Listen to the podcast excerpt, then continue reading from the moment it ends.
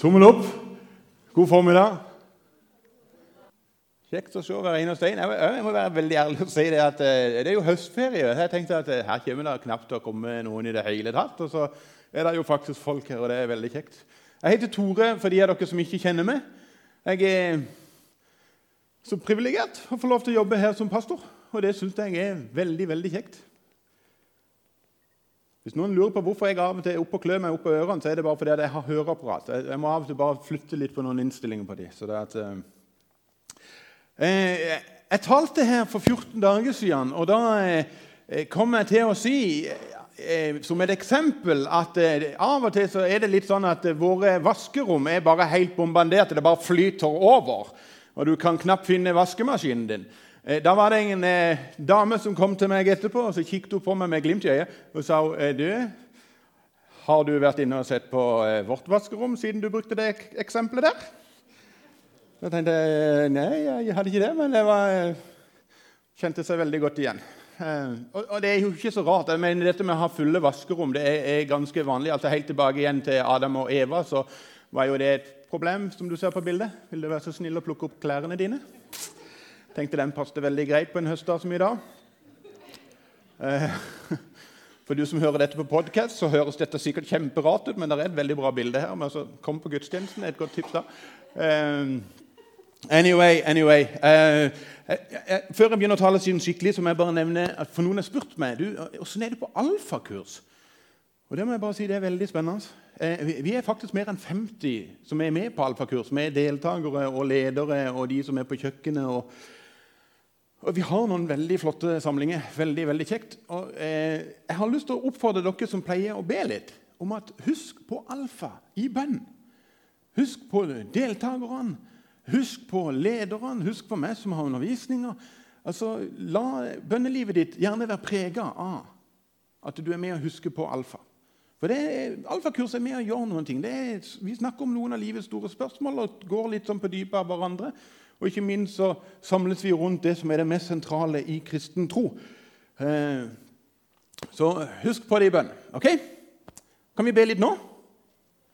skal vi gjøre noe vi ikke pleier å gjøre så veldig ofte. Skal vi reise oss alle sammen, så får vi strekt på beina, og så eh, ber vi. Så skal vi be for alfakurset. Så skal vi huske på de som kanskje ikke har det så greit, som er en eller annen grunn som ikke er her. Og så ikke minst, som det ble nevnt i starten, så skal vi huske på våre søsken i Hongkong. Jeg kjenner flere av disse som er ledere i disse menighetene der nede, og de har tøffe tider. Jesus, jeg takker deg for at vi kan eh, igjen få lov til å stille oss foran din store trone og komme med alt det som ligger oss på hjertet. Jesus, Vi har i fellesskap som menighet lyst til å legge alfakurs igjen i dine hender. Du kjenner hver eneste en som er med der. La de få lov til å bli berørt av deg og kjenne at de kan ha en relasjon til deg, Jesus. Jesus, vi ber for de som ikke har mulighet til å være her sammen med oss akkurat i dag. Du ser dem der de er. Jeg ber deg, Jesus, om at du skal være der og gi dem kraft og styrke. La oss være en menighet som bryr oss om hverandre.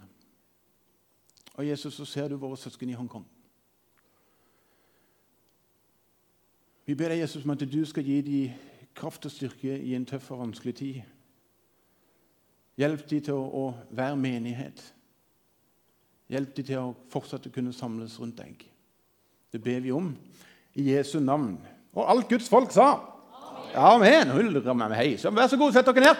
Um, veldig flott. veldig flott. Så det at, uh, I Nytestamentet så er det en god del brev som er skrevet av en kar som heter Paulus.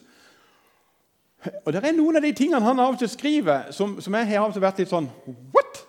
Eh, seriøst, Paulus? Og mente du med dette her? Eh, og, og, hva, er, hva er greia med sånn? Eh, en av de tingene han blant annet skriver, det er dette her Ha meg som forbilde. Bare se her, dette her skriver han blant annet. Følg mitt eksempel. Altså, Snakk om å ta seg til snippen. Og som, ha, følg mitt eksempel, søsken, og se opp til dem som lever etter det forbildet dere har i oss. Og En annen plass så skriver han dette her. Så legger jeg dere på hjertet. Ha meg som forbilde. Ha meg som forbilde. Og jeg må være ærlig og si at når, når han skriver det, så kjenner jeg at jeg blir litt sånn What? Kan du si det? Kunne jeg ha sagt det? Kjære menighet, jeg står her som pastoren deres. Ha meg som forbilde. Legg det på hjertet deres. Ha meg som forbilde. Og jeg kjenner jeg blir litt sånn småstressa av å gjøre det. Eh, det er rett og slett fordi at jeg er, jeg er pappa til, til, til, til, tre barn. som Nå er de voksne, da, men, eh, men vi har hatt en tradisjon i vårt hjem. og det er at du, Den dagen du blir 16 år og Da snakker jeg i det øyeblikket det blir ny dato, altså klokken midnatt. Da er vi ute og øvelseskjører. Jeg er sønn av en kjøreskolelærer, og jeg synes dette har vært utrolig stas. Endelig 16 år. Vi finner oss en litt stor parkeringsplass, og så begynner vi med øvelseskjøringa. Og så går det veldig på skinner, og allerede etter først en liten halvtime så er vi ute og kjører på riksveier. Eh, så gal er jeg. Og så lar vi det stå til. Og så, og så har, vi, har vi vært veldig heldige. Vi har hatt barn som har catcha dette ganske kjapt. Og etter hvert husker jeg spesielt hun eldste. Vi hadde vært ute og kjørt ganske mye. Og Så er vi ute en dag, og så nærmer vi oss en sving. Og så plutselig så merker jeg at hun kapper svingen. Hun bare går til, hun er nesten helt, helt med hele bilen over i feil kjørebane. Og Som pappa så blir jo jeg bare og, og, og, skal til å ta rattet, og så vet jeg at det er ikke alltid det lureste. Så er vi som prøver å se kommer det biler, og så kommer det ikke biler. og Når vi endelig kommer ut igjen av svingen, så går jeg litt bananas. Og så, Hva i all verdens land og rike er det som går gjennom hodet ditt, liksom. Du kan jo ikke drive og kappe svingen sånn! Og så husker jeg det som det var i går. Hun som bare kikker litt sånn forskremt bort på meg og sier Ja, men du kapper jo alltid den svingen sånn. Og jeg er med som bare Kjære min tid! Hvorfor har vi ikke bare frakta disse barna i noen esker og noen bokser, så ikke de ser hva vi holder på med? Og jeg tenker Forbilde Syns ikke det er noe gøy, for de kikker jo på oss. Og så sier allikevel Paulus dette her. Ha meg som forbilde. Så spør jeg meg sjøl tør jeg si dette her. Og Grunnen til at jeg løfter det opp, det er at jeg tror nemlig at vi skal lære en litt sånn djup, dyp åndelig sannhet av Paulus her i dag. Det vil si, Vi skal egentlig lære det av Jesus. For det er jo egentlig Paulus, hele hans liv etter han møtte Jesus, så var det Jesus det handla om. Så det er egentlig ut av, Jesus vi skal lære noe. Og Vi skal lese noe som, eh, som Jesus sa. Eh, som, som, jeg husker at eh, dette, dette, Jesus sier nå, det er en lignelse. Og, og, og jeg husker at Sånne lignelser det, det er en, sånn, på en, måte en beretning, en historie som kunne ha skjedd, men kanskje bare oppdikta. Og jeg husker når disse her lignelsene ble fortalt på søndagsskolen, så syntes jeg det var kjempestas. Og de var så spennende. Og en, dette en av, den, en av, disse lignelsene er den jeg skal lese nå. Og jeg husker den var bare sånn Wow! Er det mulig? Og Det handler om at det er en mann som kommer til Jesus og han spør Jesus Du, Jesus, du sier at vi skal elske Herren vår Gud, og så skal vi elske vår neste. Men hvem er min neste? Eller sagt I en annen oversettelse så står det sånn eh, Du skal elske Herren din Gud, og så skal du elske din nabo. Og Så spør han hvem er naboen min egentlig? Og Så begynner Jesus å fortelle følgende lignelse som dette. her. Jeg har lyst til å lese hele. En mann var på vei fra Jerusalem ned til Jeriko. Veldig enkelt forklart. Jerusalem ligger høyt, Jeriko ligger lavt. så Derfor gikk de ned til Jeriko. Da falt han i hendene på røvere. De rev klærne av ham, skamslo ham og lot ham ligge der halvdød. Nå traff det seg slik at en prest kom samme vei. Han så ham, men gikk utenom og forbi.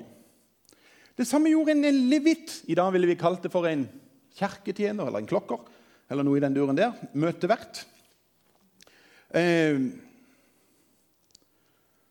hvor var vi i teksten? Eh, eh, det samme gjorde en levitt. Han kom, så mannen og gikk rett forbi. Men en samaritan, en som folk i Israel egentlig ikke likte så veldig godt, men en samaritan som var på reise, kom også dit hvor, eh, hvor han lå. Og da han fikk se ham, fikk han inderlig medfølelse med ham.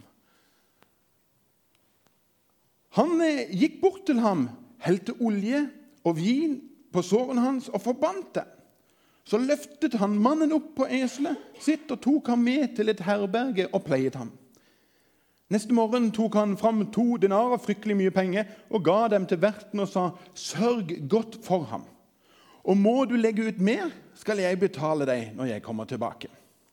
Så spør Jesus, 'Hvem av disse tre syntes du nå viste seg som den neste for ham som ble overfalt av røvere?' Mannen svarte, 'Den som viste barmhjertighet mot ham.' Da sa Jesus, 'Gå du og gjør som han.' Og Jeg husker da jeg var på søndagsskolen. Eh, og, og, eh, vi hadde på en måte hørt denne her historien her, så kan jeg huske at jeg alltid tenkte Er det mulig? For en prest! Sånn går det bare ikke an å være. Altså, Det, det går jo ikke an å oppføre seg Sånn skal iallfall ikke jeg være. Jeg skal gjøre akkurat sånn som du sier, Jesus. Og så skal jeg oppføre meg fint, og så skal jeg bry meg om alle jeg møter. Og så er det bare det at jeg har blitt eldre. Og så har jeg møtt livet. Eller livet har møtt meg.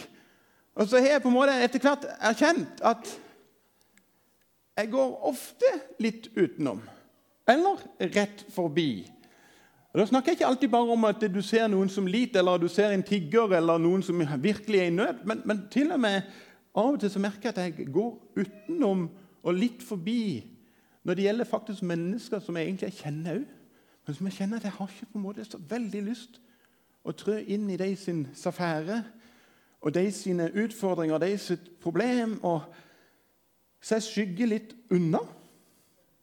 Og så kjenner jeg på en måte at jeg, jeg har ikke lyst til å ha noe med disse her å gjøre. Da er det veldig fort at jeg har en stemme i huet som sier til meg Du er dårlig, du, Tore. Du er ikke bedre enn denne presten eller kirketjeneren. Du er et dårlig menneske. Du er et dårlig forbilde. Du er en dårlig, og så kjenner jeg bare at jeg blir bare mer og mer trykka ned. Og så bare kjenner jeg Er det mulig? Og så går jeg rundt med dårlig samvittighet. Dere som kjenner meg, vet det at eh, jeg vokste opp i en kristen hjem, og så forlot jeg alt det som hadde med kristendom å gjøre. og var vekk fra Gud i mange år. Men jeg kom tilbake igjen til Jesus, eller når Jesus endelig klarte å få funnet meg, så ble denne teksten her litt sånn utfordrende for meg. Jeg, jeg synes, Hver gang jeg begynte å lese om den barmhjertige samaritan, så ble det litt sånn jeg følte, jeg følte meg så klein. Jeg ble litt sånn for jeg er ikke sånn. Jeg er ikke sånn en veldig god, barmhjertig samaritan. Så jeg ble litt sånn så jeg hadde, sånn, jeg hadde, en prat med Jesus der med som Jesus, seriøst, forklar meg dette her. Hvem er jeg? Altså, Er han presten som gjenger utenom, eller er han som gjenger rett forbi? Eller, for jeg vet allerede nå at jeg er jo ikke han barmhjertige. Da hadde jeg en spesiell opplevelse. Det var nesten som at Jesus tok meg litt til side og så sa han, Tore, hør godt etter på meg nå. Du er ikke presten, og du er ikke levitten, og du er iallfall ikke den barmhjertige samaritanen. Tore, du er den som ligger nedslått. Du er den som trenger å bli stelt. Du er den som trenger at dine sår blir leger. Du er den som trenger en som kan løfte deg opp og vise deg barmhjertighet. Og jeg kjente at det var en enorm byrde som slapp ifra meg da dette kom. Når jeg plutselig erkjente at det er meg som trenger dette her. Det er meg som trenger å bli vist barmhjertighet. Og så er det akkurat det Jesus har gjort med mitt liv. Han har løfta meg opp, lega mine sår, fjerna min skam, fjerna mine byrder og så har han ikke heldigvis bare gjort det for meg. Han har gjort det for alle. Han har bøyd seg ned i sin storhet og løfta oss opp og sagt du er den som trenger legedom. Du er den som trenger at jeg får lov til å pleie dine sår, pleie våre nederlag, vår smerte, fjerne vår skam. For utfordringen er jo at vi ofte går rundt med ei maske. Vi har ofte en veldig fin fasade. Men folkens, vi er alle mye mer enn det vi ser. Når vi møter mennesker, så er de alltid mye mer enn det vi ser. Men det er en som ser bak fasaden vår, og som ser åssen vi egentlig har det på innsida. Og som sier det er der jeg har lyst til å møte deg. Midt i ditt djupeste mørke, midt i din bunnløse sorg og smerte, kommer Jesus og sier vet du noe? Men jeg kan gå djupere enn ditt djupeste mørke. Det er aldri et mørke som er så djupt at ikke jeg kan gå inn i det og under det og løfte deg opp ifra din smerte og din sorg. Vår største utfordring er ofte, tror jeg, som kristne spesielt kanskje, så har vi ofte blitt oppfatta som de som får livet til. Vi får det til å skinne, vi ser så bra ut. Vi har med som livet på stell. Vi har med som ikke havna i noe veldig opplegg. Jeg vet i hvert fall om en som fikk sagt dette her veldig godt. Det er en mann som heter Ole Magnus Olavsrud. Det kan være noen av dere kjenner han. Meget, meget flott type. Han jobba i veldig mange år i en organisasjon som heter Navigatørene. En kristen organisasjon som gjør en kjempejobb. Og, Ole Magnus eh, har skrevet en del bøker. Og I en av de bøkene sine så skriver han noe interessant. Han forteller at eh, de har besøk av noen venner som normalt sett aldri pleier å gå i kirke. Og Så forteller eh, Ole Magnus at eh, det ble en litt sånn spesiell kveld. For kona hans, Kari, har nettopp eh, mista en del av familien. og Du skal høre hva han skriver. Jeg har lyst til å lese dem. Livet var vanskelig for oss. Karis søster, hennes mann og et av de tre barna var nettopp omkommet i en trafikkulykke i Tanzania, der de var ute som misjonærer for navigatørene. Nå satt vi og pratet om hvor beintøft dette var. Men eh, har du ikke blitt eh, bitter? kom det til en stund fra mannen. Du som har satset alt på religion og sånn. Jeg fortalte hvor vanskelig det hadde vært men også hva troen betydde for oss i denne situasjonen. Men du, da, sa jeg etter en stund. Hvordan er det med deg? Er det noe du er bitter for? Og så kom det. Ting han aldri før hadde fortalt av vonde erfaringer med et kristent miljø som hadde gjort det umulig for ham å assosiere evangeliet med gode nyheter. Jeg forsøkte å lytte til ham, men hvorfor har du ikke fortalt dette til meg før? spurte jeg overrasket. Vi har jo snakket litt om sånne spørsmål tidligere. Da kom de fra mannen. Dette er første gangen jeg har opplevd deg som et vanlig, sårbart menneske som også har problemer. Kom det litt brudd. Du har alltid gitt uttrykk fra å mestre livet. Men når jeg skjønner at du kan ha vanskeligheter også, tør jeg fortelle deg om mine. Og Så avslutter Ole Magnus med å si jeg kjente, jeg, jeg kjente meg skamfull. På sett og vis hadde jeg tidligere løyet, om, løyet for ham om livet mitt. Hva ser mennesker som omgås oss til hverdagen? Hva ser våre familier, våre venner, våre naboer?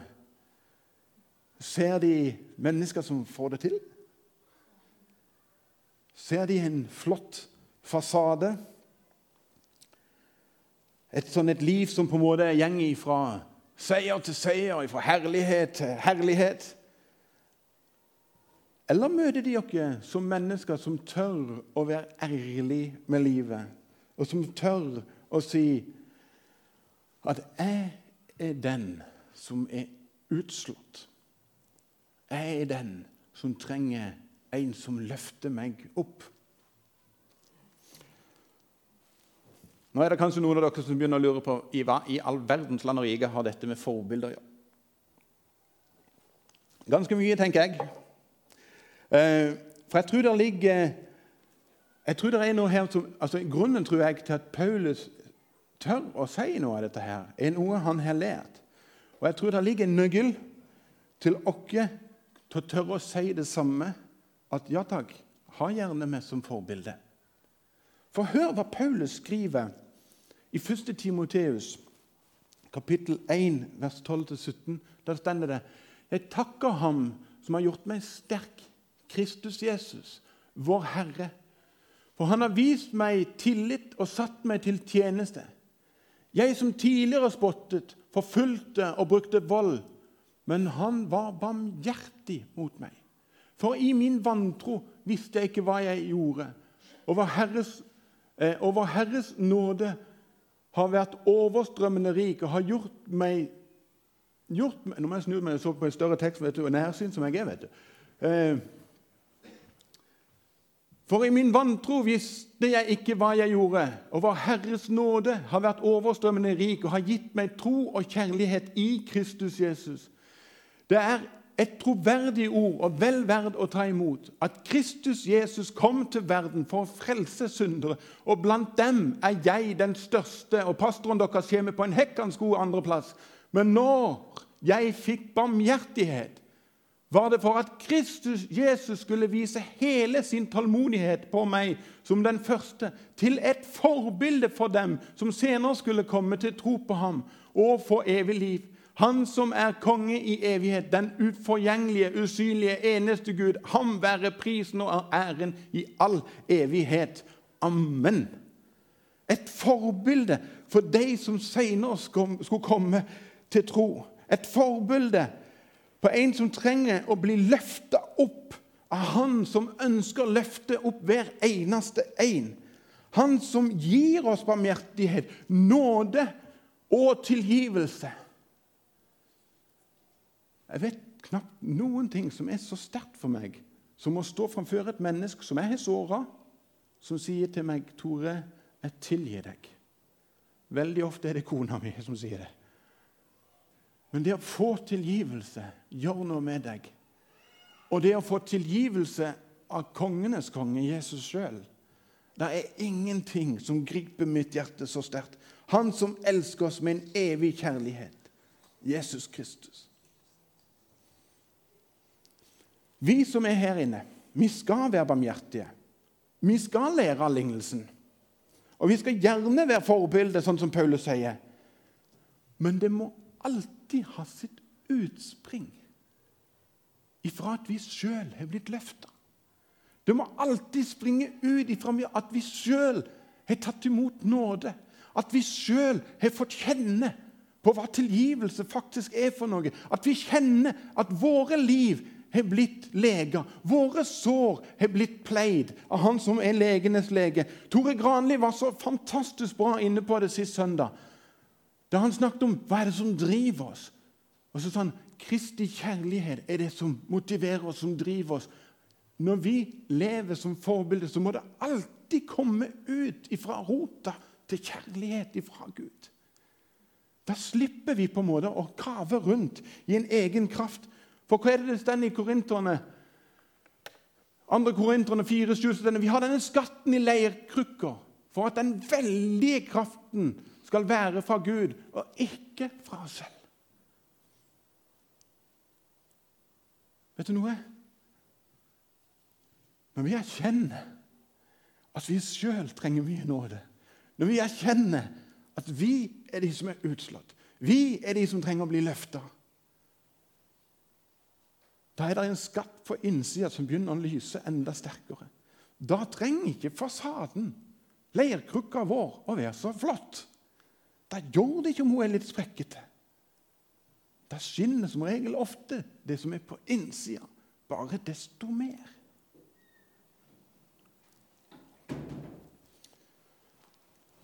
For Gud er ikke en som kaller kvalifiserte mennesker. Men han kvalifiserer de han kaller.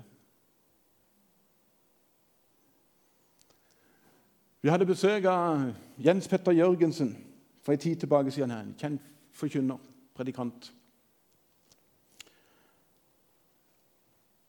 Og Jens Petter skriver i, i den boka han er kanskje blitt mest kjent for tøff, 'Sterk nok til å være svak'.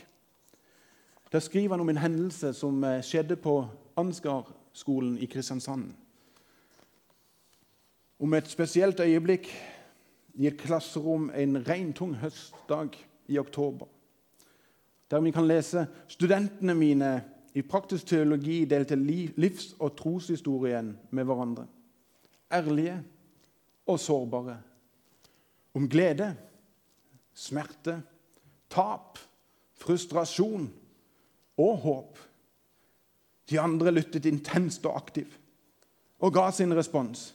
Ikke belærende og forklarende, men støttende og nærværende. De ba for hverandre. Der steg opp takk, men også fortvilte skrik. Og denne gruppen, som var så forskjellig i alder, erfaring, meninger, ja, i det meste, ble bundet sammen i kjærlighet, omsorg, på en måte jeg, som, eh, som jeg sjelden har sett i mitt lange liv. Jeg måtte bryte av midt inn i dette et sted og si glem alt dere har lært om å bygge menighet og kristne fellesskap dette året.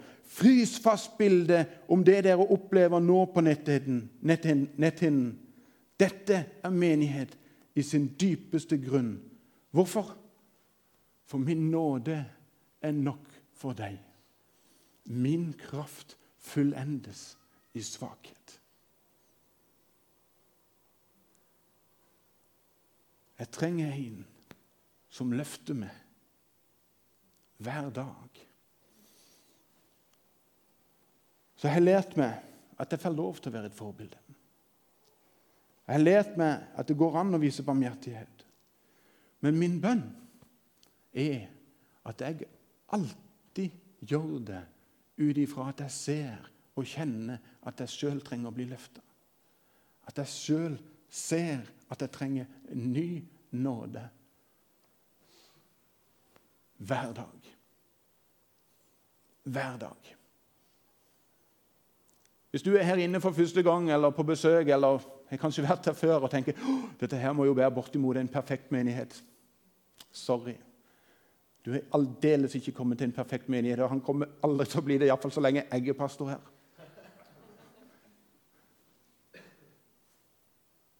Men jeg håper og ber om at vi skal være ikke en perfekt menighet, men at vi skal være en ekte menighet som tåler hverandres liv.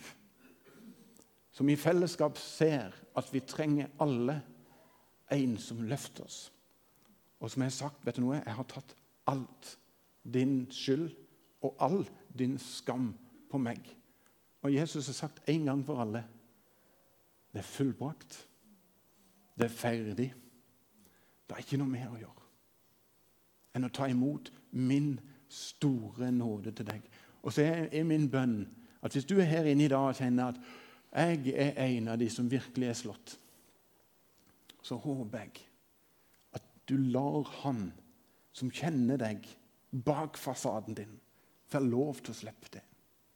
At du lar han få lov til å steppe inn i ditt liv og berøre deg, sånn at han kan lege dine sår. Vaske vekk din skam, din smerte, din fortvilelse din sorg. I Jesu navn. Amen.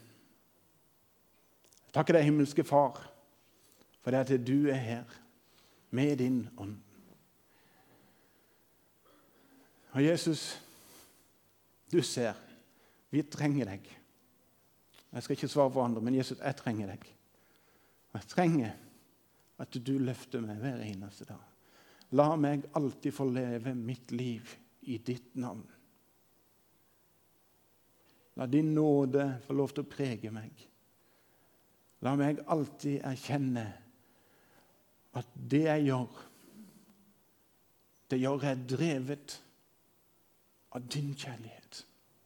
For det er jeg sjøl har opplevd og erfart din kjærlighet. For det er jeg sjøl har erfart din nåde, så kan jeg få lov til å, å gi det videre til andre mennesker. Jeg takker deg fordi jeg kan få lov til å elske deg, og fordi at du elsker meg først. Ut ifra den kjærligheten så kan jeg elske de som er rundt meg. Min neste, min nabo, min familie, mine venner, kolleger. Jesus, jeg ber for oss som menighet at vi er en menighet som alltid har deg i sentrum, og som elsker deg, og lar din kjærlighet få lov til å prege oss så mye at vi går videre og elsker de som er rundt oss. Hjelp oss, Jesus, til å være en menighet som er ekte. Det ber jeg om. I Jesu navn. Amen. Amen.